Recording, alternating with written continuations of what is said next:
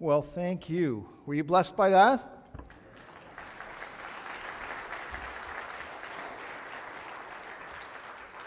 Four o'clock out at UMEI. You get a whole lot more, okay?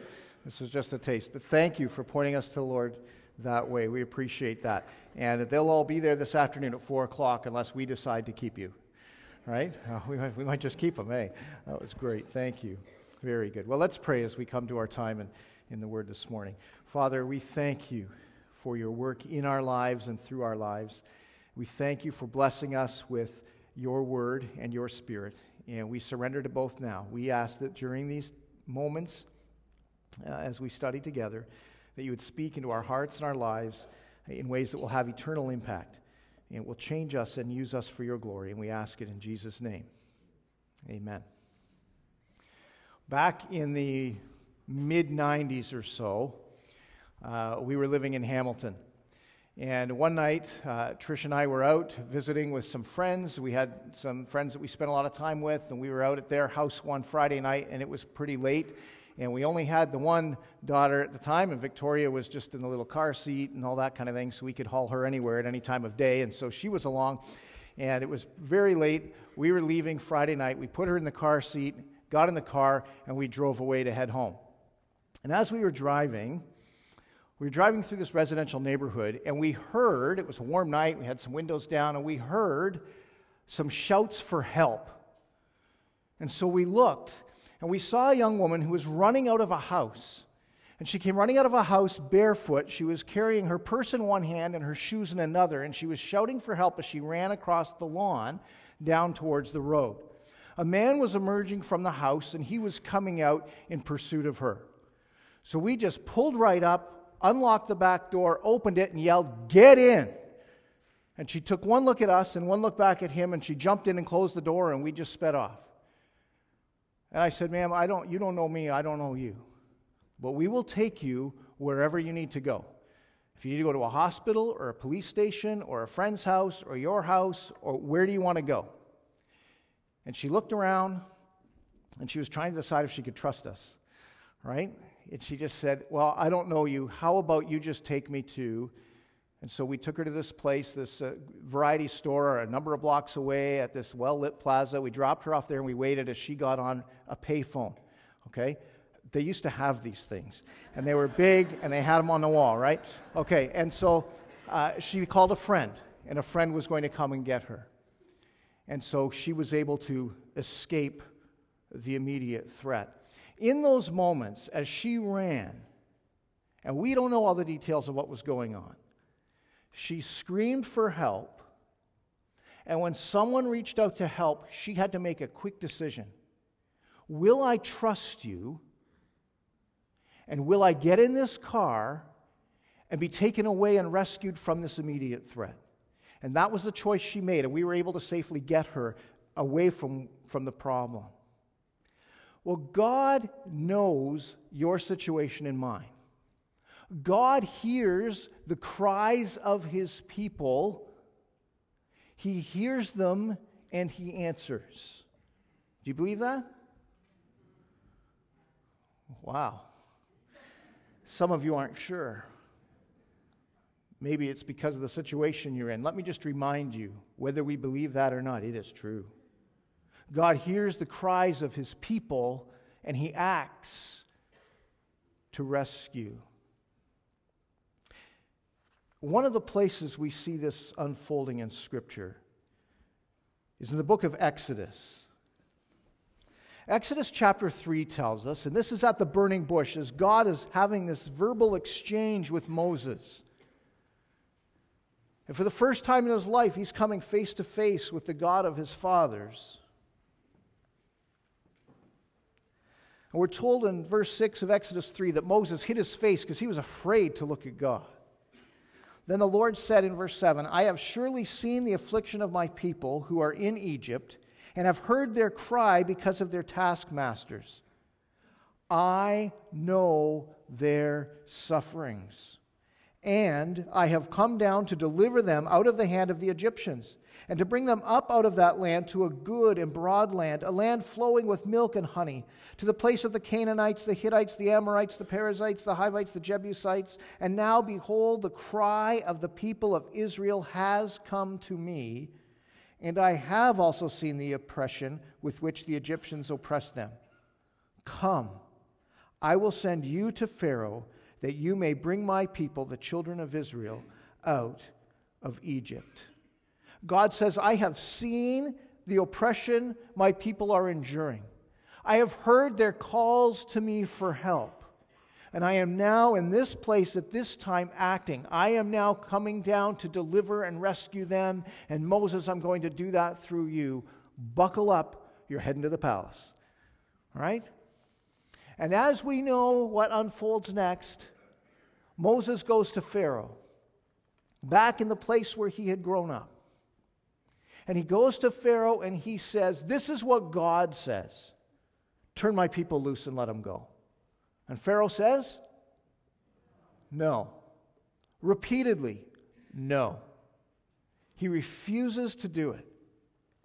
And so, because he refuses to do it, God sends a series of nine plagues on the nation of Egypt, on the land of Egypt, on the people of Egypt. One at a time, one after another. You're going to let my people go now? No. Okay, round two. You're going to let them go now? No. Three. You're going to let them go now? No. If frogs weren't enough, how about some locusts? You're going to let them go now? And he just keeps going. And nine times, God unleashes these plagues on the nation of Egypt. And Pharaoh refuses to let, let God's people go. Well, we see, we see people in Egypt today. God has people in Egypt today who continue to suffer there, by the way. Just this morning on the news, don't know if you heard that. Two Christian churches bombed during Palm Sunday worship services in two different cities in Egypt today. God still has people there today suffering at the hands of others. Incredible. Well, after all these plagues on Egypt, Pharaoh continues to say no. And that brings us to Exodus chapter 12. Turn with me there this morning. Exodus chapter 12. As we continue our Easter series looking at Behold the Lamb of God. Exodus chapter 12.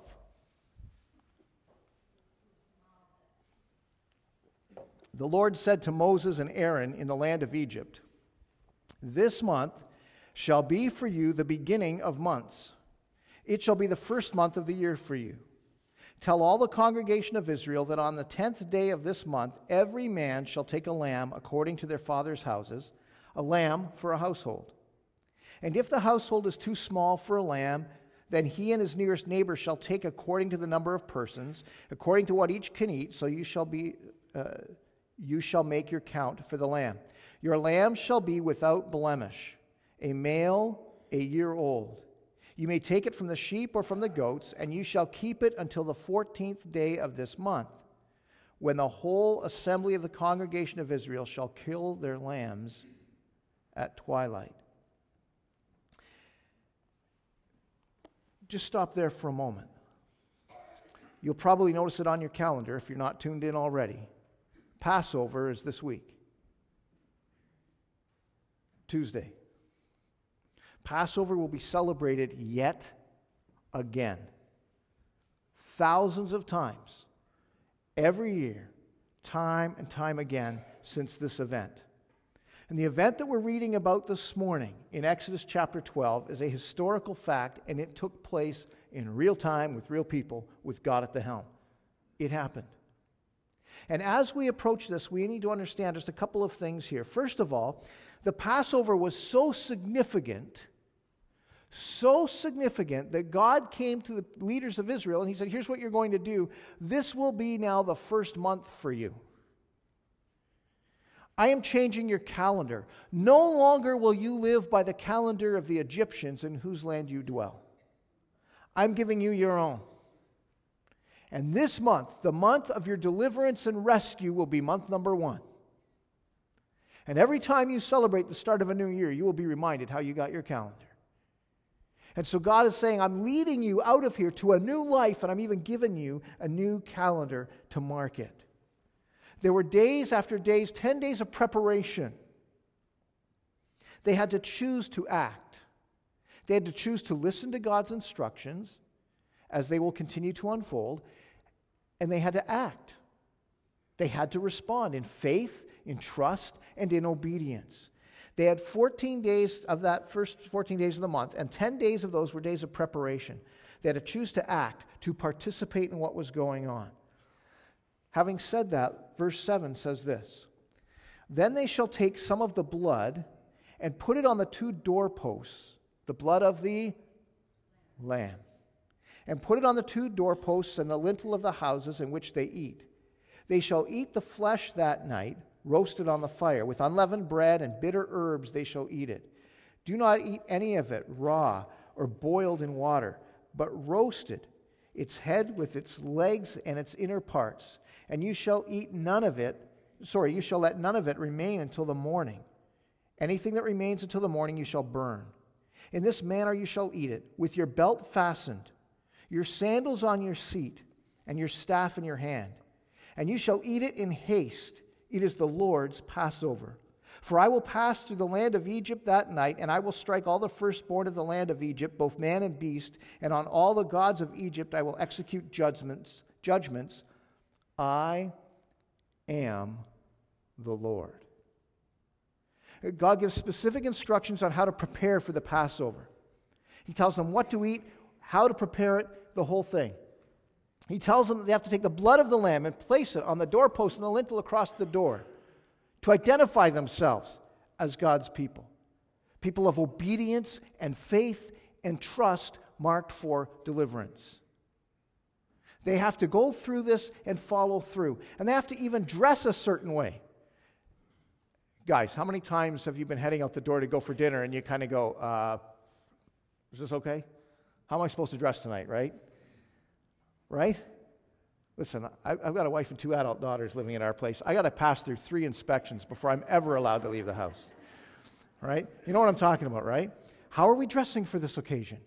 Can you imagine if next Sunday for Easter dinner, everybody showed up at grandma's house for Easter dinner and they started taking their jackets off and she said, Whoa, whoa, whoa, whoa, what are you doing?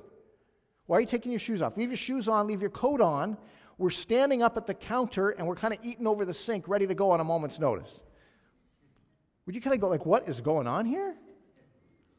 That's the instructions they were given. You get packed, you get ready to go. You eat quickly, and you be ready because this is the night God is acting. God is acting.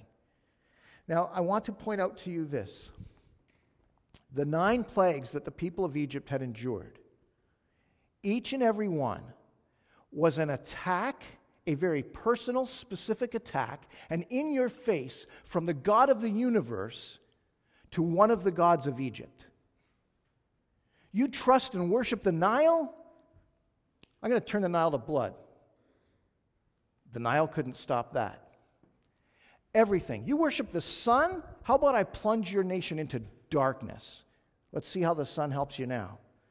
Every single one was an in your face attack on one of the gods of Egypt. And after each of their gods are shown to be insufficient to stand against Almighty God, these false gods, these demonic powers before which they lived their lives, each one was individually shown to be inadequate to withstand God. So now, on this final night, God says, I'm sending one more plague on the land of Egypt.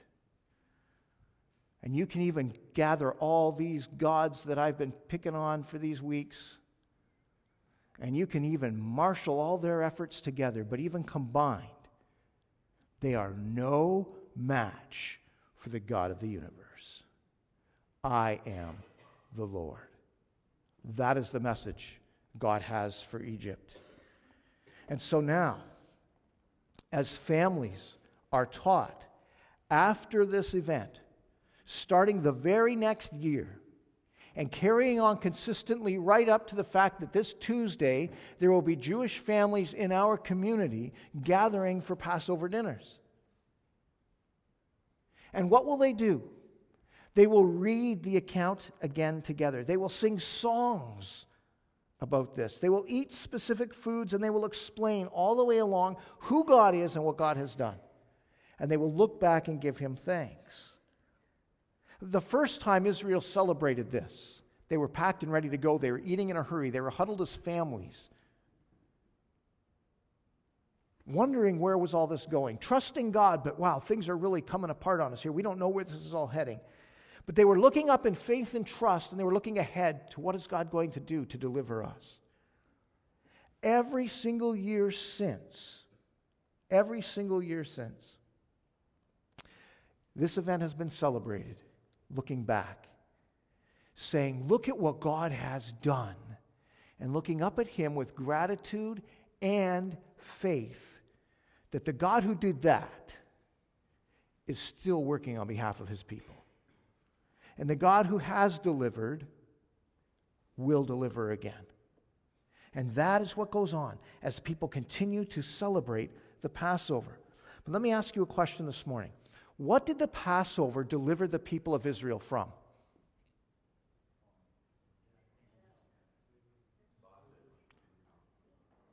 Okay, we, are getting a whole series of answers here.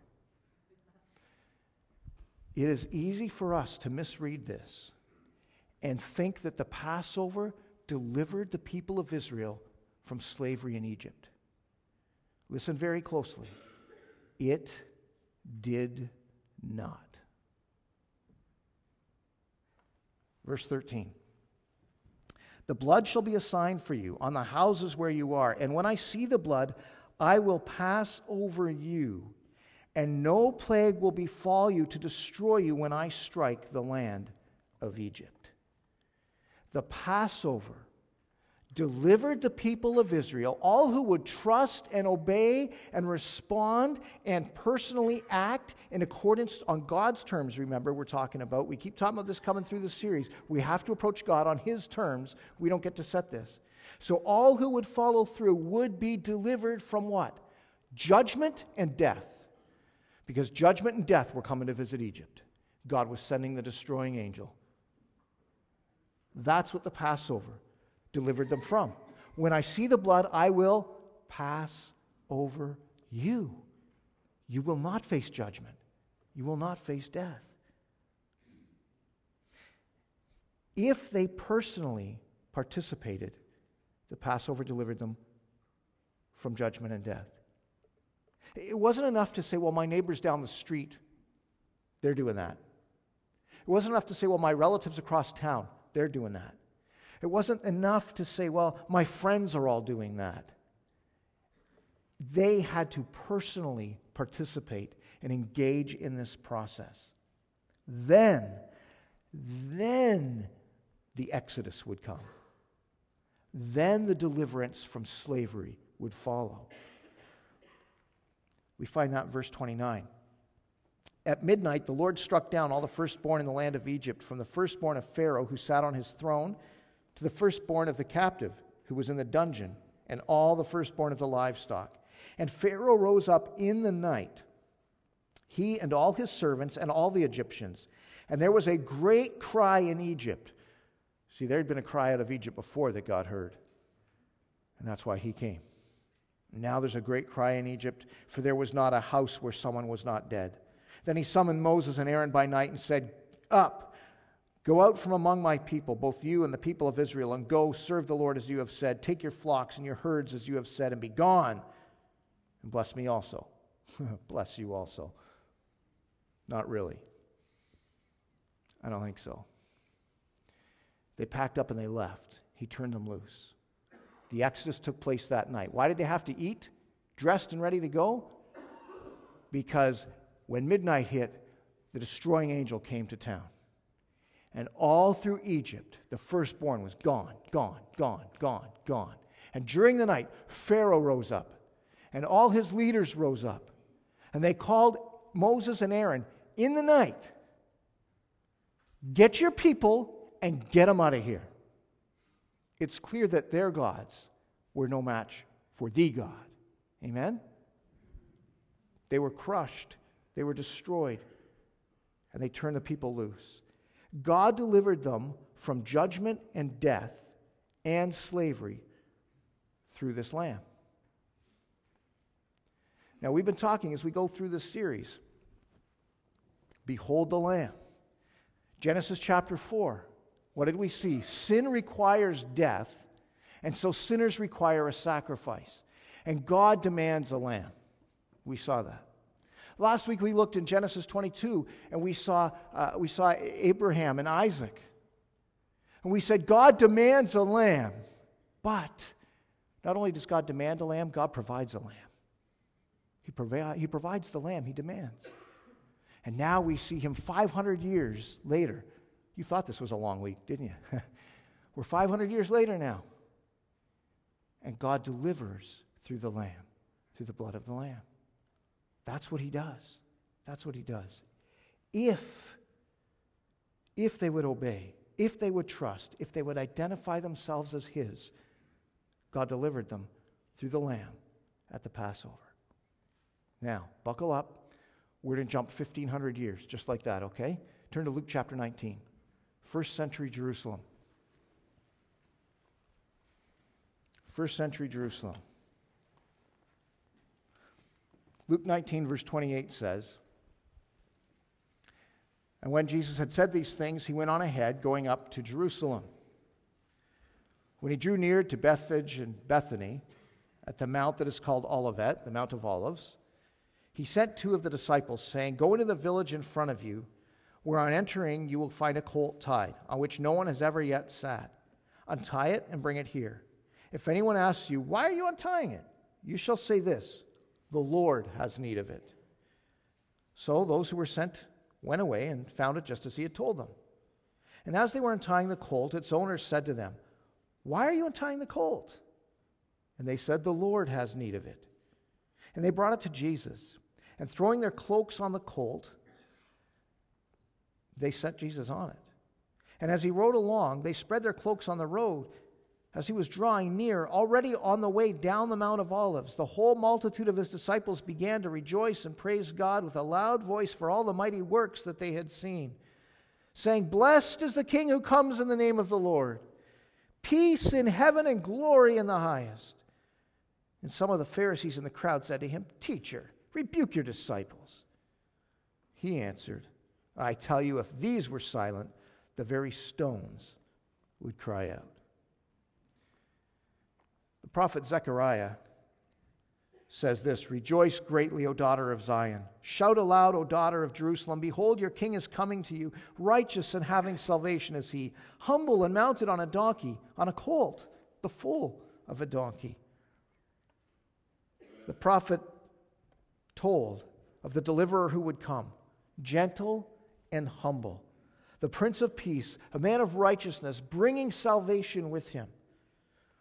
And here, on this day, on this day, in the days of preparation for the Passover, here comes Jesus, humble, gentle, poor, on a donkey's colt. He's not on a big, bejeweled stallion of, a, of royalty. He doesn't come in on this massive, battle scarred beast, the, the, the, the, the horse of a, a warrior and a hero. Poor, humble, gentle. He comes to town riding this little donkey. And the people put their coats on the road as they would do when the king came to town and they waved palm branches. Gospel writers tell us they waved palm branches. That's why we call this Palm Sunday, right? And they waved them as he went by and they laid them in the road for, for him to ride over. what's going on there? This is a powerfully charged moment. We were there just a couple of years ago. And as you come down the Mount of Olives, you come over the top of the Mount of Olives and you come down, and it's called the Mount of Olives because it's just olive groves everywhere. And these same narrow ancient roads are there. And you come down and you look and you're heading towards Jerusalem to celebrate Passover, and you got to go down and then across the valley and back up into the city. What you're faced with as you come down the Mount of Olives is the great wall of the city and the temple itself. And as they come down, they come to this occupied city in this occupied nation with Roman soldiers watching these massive crowds coming from every village in, in the country as people are streaming in for Passover. With all these soldiers around and all that kind of thing, and there's all kinds of upheaval and, and so on happening anyway because of the, the, uh, the Roman occupation and they're handling all this and everything else going on. Here's what happened the people took these palm branches, which were national symbols for Israel. It'd be like somebody occupying Canada today. And we all gather at Parliament Hill in Ottawa with all the soldiers, the foreign soldiers all around, and they're oppressing us, and all these things going on. It would be like one person, one person come riding, I don't know, an ATV or something, right? It comes down through a parade, and everybody reaches into their pocket and pulls out a maple leaf. Not a blue and white one, all right? The red one, the national symbol, all right? Not the hockey team. You bring out the, and start waving it. Whoa. What would that say? What would that say to the soldiers around? So here we've got all these Roman soldiers around. The people are now waving and they're chanting and they're singing to him and calling out to him. On top of that, it's a politically charged moment. It's also a, a spiritually charged moment. Because the people are quoting from what I read to you earlier, Psalm 118. They're quoting the psalm of the arrival of the great deliverer, the Messiah, the promised one. And they're singing to this one that they've seen heal the sick, cure the blind, help the poor. They're calling out to him. And they're, they're shouting his praises. Our deliverer is here. We no longer need you, Rome. They're waving the palm branches and they're saying, Our deliverer is here. Wow. There's a lot going on all in this moment. And Matthew and Mark and, and John all tell us that as the people came, came along with Jesus and he's walking in between all the people and they're waving their branches, they're also shouting the word, Hosanna! That's a Hebrew word that says save, save. And they're shouting it out both as a, a prayer and as a word of praise. Save us because you can.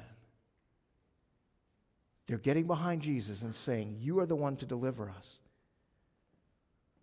This meek man of miracles and compassion. This teacher who's been fulfilling prophecy before their eyes.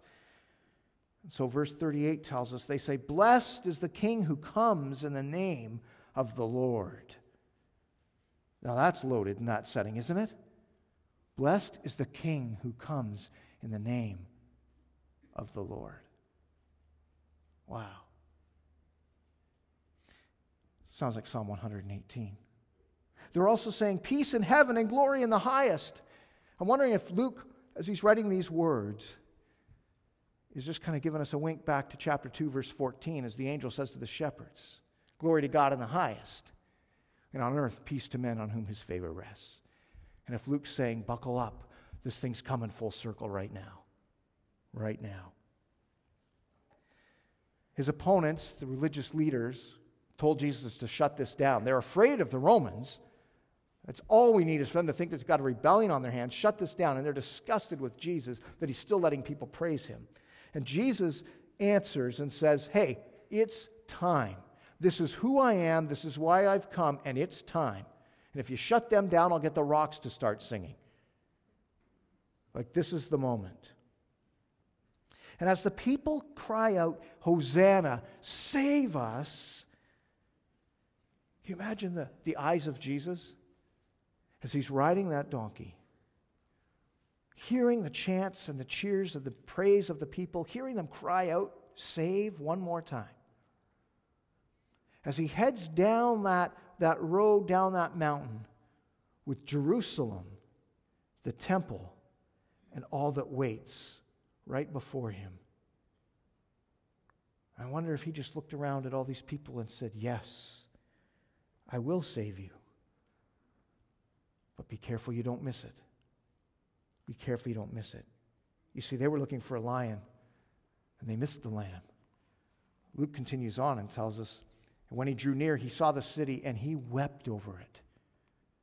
The people are chanting and cheering and all excited, and in the middle you have Jesus weeping over the city. Would that you, even you, had known on this day the things that make for peace. You want peace, but you don't know what you need. But now they are hidden from your eyes. For the days will come upon you when your enemies will set up a barricade around you and surround you and hem you in on every side and tear you down to the ground, you and your children within you. And they will not leave one stone upon another in you because you did not know the time of your visitation. You did not understand who I fully am and what I am here to do. Oh, these people were looking for a lion in a deliverer. And they got one because shortly after this, Jesus will go to the temple, and there they'll see a lion. Jesus will clear that temple. Busiest time of the year, Passover. Everybody in the temple courts, and it's being totally misused by the spiritual leaders. And Jesus comes in and he clears that place out. But, but he went to the temple courts. We were expecting him to go to the palace and clean that out. He will now, in the days to come, publicly and directly confront and challenge the religious leaders. Well, hey, that's kind of cool to watch, but Jesus, what about saying something to these Roman soldiers? What about going over and having a conversation with Pilate? Why are you talking to them? It's because the lion for whom they waited arrived in the form of a lamb on his way to be sacrificed. As Jesus weeps coming down the mountain, it's as though he's saying, I am here to save. Oh, don't miss it. But most of them did. Most of them did. When you look at your calendar and you flip it to April and it's got bright flowers and things on it, and you go, oh, and it says Passover and Palm Sunday and Good Friday and Easter. Don't look at that and go, oh, spring, finally. Who cares about the weather? The reminder of the deliverer is here. The great Messiah, the promised one, our only Savior. We are going to celebrate what He's done, what He will ultimately do, and what He might yet do right here among us. That's what we're here to celebrate. Friends, God delivered through a lamb at the Passover, He delivered through a lamb at Easter. And so I urge you, as we have all the way along, to heed the words of John the Baptist in John 1 29 when he says, Behold, the Lamb of God who takes away the sin of the world. The Apostle Paul in 1 Corinthians 5 calls Jesus our Passover lamb. The Lamb of God, not ours. He's not ours to give the Lamb of God, given and sacrificed for us that we might experience Passover. That if we act in response, we might be delivered from judgment and death and then led out of our slavery to sin.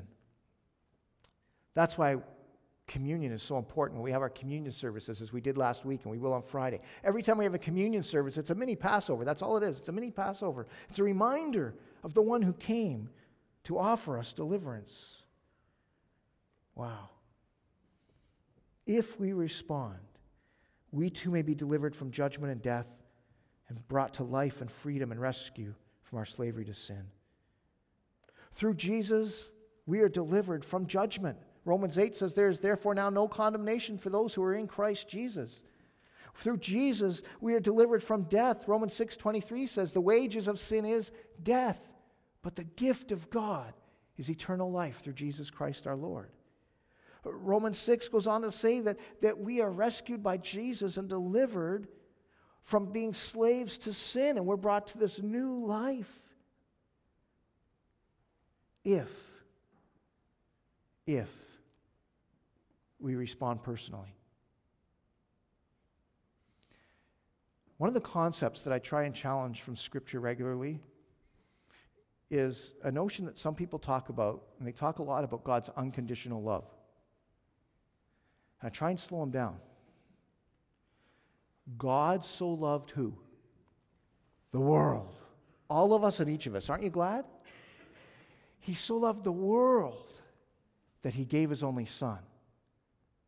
But the verse doesn't end there. So that whoever believes responds appropriately will not face sin, will not face death and judgment, but will be rescued from death and judgment. You see, we got to be careful. His unconditional love for the whole world, yes, while we were still sinners, Christ died for us. He couldn't love us any more than that. But that doesn't mean we get a free pass.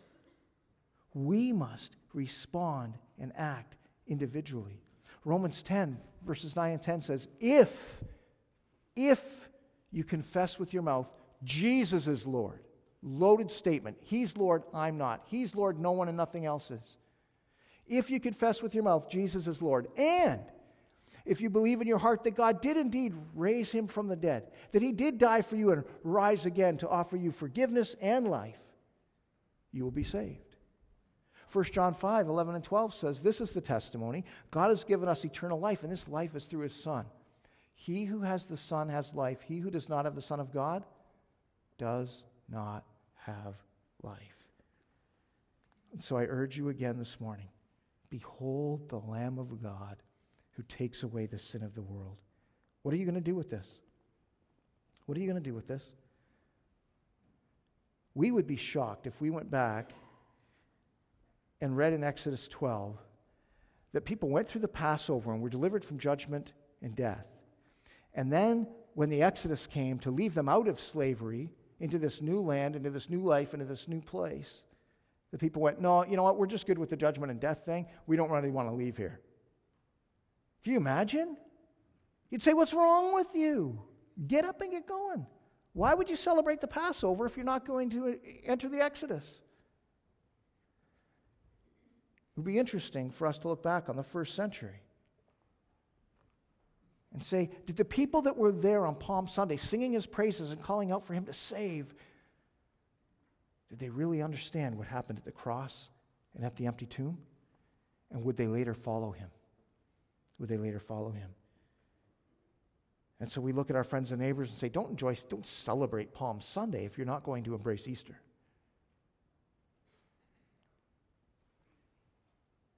And we would ask ourselves, why would I sing God's praises even today if I'm not going to surrender my life to the one I'm praising on his terms? So I ask you this morning as we close are you a follower of Jesus Christ?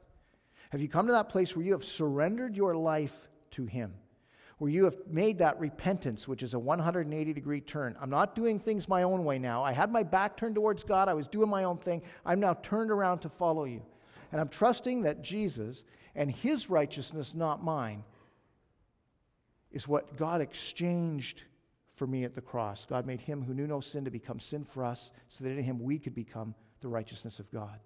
And I'm going to trust that that's enough and I believe you're Lord, I believe God raised you, and that you're coming again, and I'm going to walk with you. Is that you? If it is this morning, this Palm Sunday, thank God again for rescuing you. Thank God for deliverance. But please, please do not stay in Egypt. Come and walk in the righteousness in which you stand. If you're here today and you're not a follower of Jesus, that has just not been your experience. You've never surrendered everything you have and are to Him. I would plead with you, why not? If you were in your house tonight and your house was on fire, and the fireman came in and you saw the little flashlight and you heard the voice, and he fought his way in through the flames and the debris and the smoke and the darkness, and he found you huddled somewhere, hiding, and said, Come on, I'm here. It's going to be okay. Come with me. Let me carry you out of here. Would you look at him and say, No, go away. It's okay. I can handle it. Really? I can handle it? No. This is Almighty God extending the nail scarred hand of His Son to you today, saying, Sin requires death. Death then re- demands that sinners have a sacrifice. I demand a lamb. I've provided one. I'll deliver through him. Come on. Come on. It's like God's got his car door open and he's shouting through the window, Get in! Get in.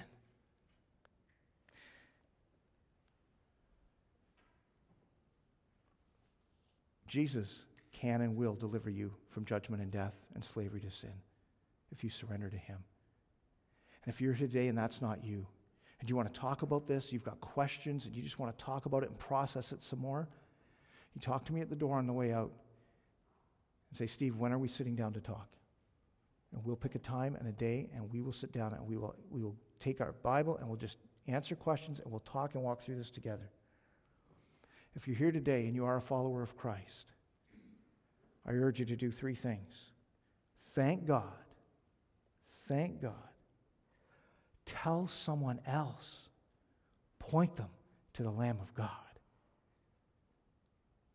And please, please leave Egypt. Let's stand and sing in response this morning.